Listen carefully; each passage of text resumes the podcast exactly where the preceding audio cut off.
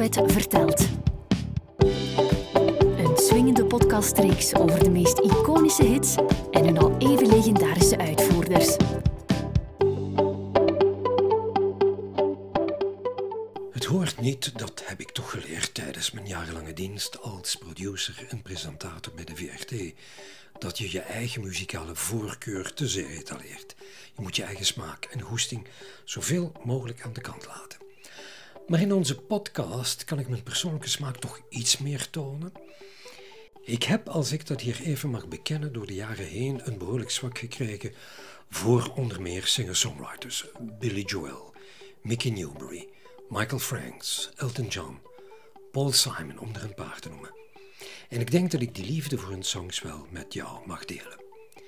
In 1987 kreeg Paul Simon voor Graceland een Grammy voor Album van het Jaar en ook de titelsong ging met die eer lopen als mooiste liedje van dat jaar. Zou het geen goed idee zijn als we samen wat langer bij dat nummer blijven stilstaan?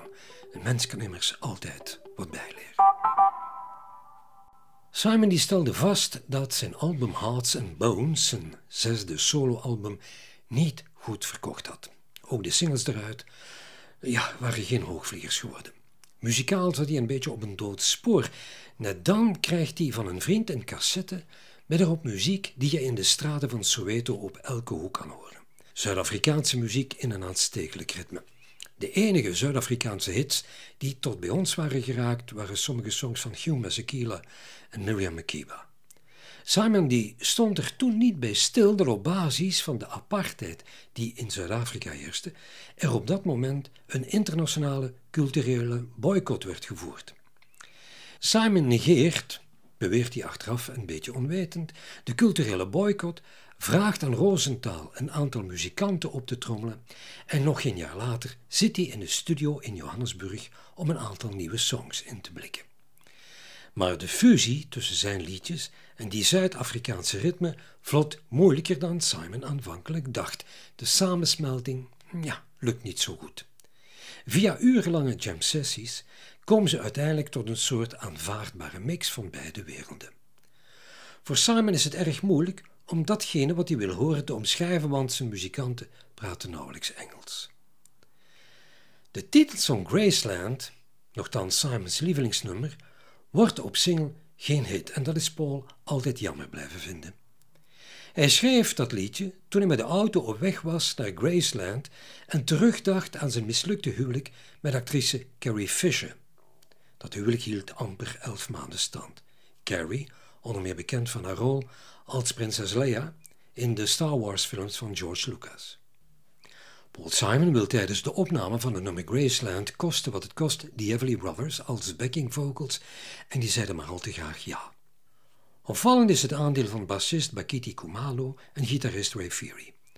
Na het opnemen van de basistracks worden er iets later stielgitarist Demola Adipoyu en King Sunny Ade uit Nigeria aan toegevoegd. De basistracks worden in Johannesburg ingeblikt en later in Los Angeles en in New York afgewerkt. Het lijkt me in deze een extraatje als we een aantal van die details door de maestro zelf laten invullen en ook aanvullen. Je Engels, neem ik aan, is van zo'n niveau dat je makkelijk kan volgen. I was down in South Africa in, I think, February, maybe early March, and I think I didn't go down to, uh, to Memphis until maybe May. Brought it home and I was trying to write to it. I would, um, you know, sing these lines about Graceland. Graceland, because I'm going to get rid of the Graceland part because, I mean, what's Graceland got to do with South Africa or anything like that? So that's got to go. Just a question of, uh, you know, what I'm going to replace it with. But then I couldn't replace it with anything. I was always singing that. And finally I said, I don't know, maybe I'm supposed to go to Graceland. I've never been. Maybe I'm supposed to go on a trip and see what I'm writing about. So I did.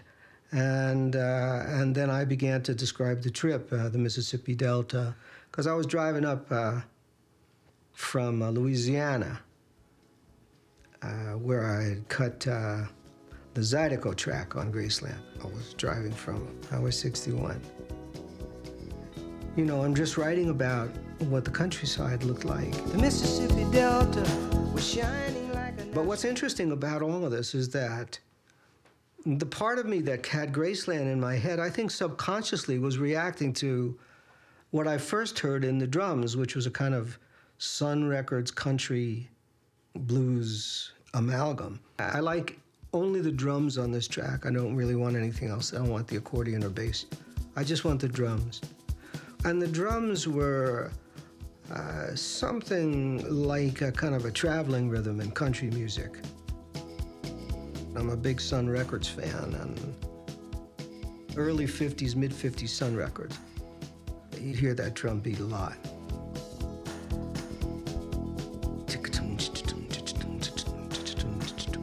Like a fast Johnny Cash type of rhythm. And somewhere later in the week of recording, when I had uh, you know, put together a, a, rhythm section of Ray Peary and Bagiti Kumalo and Isaac Machali as the rhythm section. I said to Ray one day, I like this drum pattern. Take a listen to it and see if it does anything for you. You know, it sounds like a kind of a country thing to me. So he started to play his version of American country uh, he was in the key of E, and then uh, he was playing, uh, you know, like did, because he's playing electric, but he would, he would be up over here, you know, like. Uh,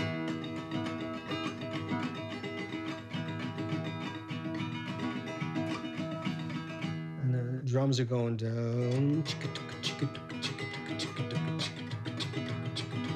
I think that's part of what makes me think that it's something like Sun Records, you know, when it was just a few instruments and nothing really much except slapback echo and a song. There's also another uh, connection musically that's in there, and that is there's a pedal steel guitar in there, which is, a, of course, a, you know, like a, a country instrument. You know, I wanted to uh, hear what that lick sounded like. Dee, dee, dee, dee, dee, dee. Seemed like it would be a very good pedal steel lick. Ja, dus geen hit voor de single Graceland, die de 6 december 1986 wordt uitgebracht. Het nummer gaat niet erg hoog in de hitlijsten. In het buitenland hoeven we voor de singleversie ook niet op zoek te gaan naar een hoge notering. Het album Graceland wordt wel een fenomenaal succes, wereldwijd een regelrechte hit. Met dat album toonde Paul Simon dat Zuid-Afrika staat voor veel meer dan armoede en ellende. Toch oogste hij kritiek omdat men vond dat hij door de, door de ANC uitgeroepen culturele boycott naast zich neer te leggen niet had meegeholpen aan het uitroeien van het apartheidsregime. Ook al heeft hij de Zuid-Afrikaanse muziek een mooi klank en uithangbord gegeven op zijn album, toch vonden de aanhangers van het ANC niet dat hij hen daarmee ook maar één stap had verder geholpen. Ze vonden immers dat Simon, door in Zuid-Afrika te komen musiceren en op te nemen, akkoord ging met de toenmalige president de Klerk en zijn regering. Op het moment dat Graceland in 85 in de hitlijsten opduikt, woedt strijd op zijn hevigst. Toch trekt Simon twee jaar later met de ganse bende op tournee. Voor die heren natuurlijk een feest, want thuis kwamen ze alleen aan de bak in obscure zaaltjes ver uit de buurt van bekende nightclubs en concertzalen. En laten we niet uit het oog verliezen dat door het succes van Graceland er meer aandacht door de buitenwereld werd geschonken aan het probleem van apartheid in Zuid-Afrika. Graceland bracht mensen bij elkaar en die vaststelling staat nog altijd buiten kijf.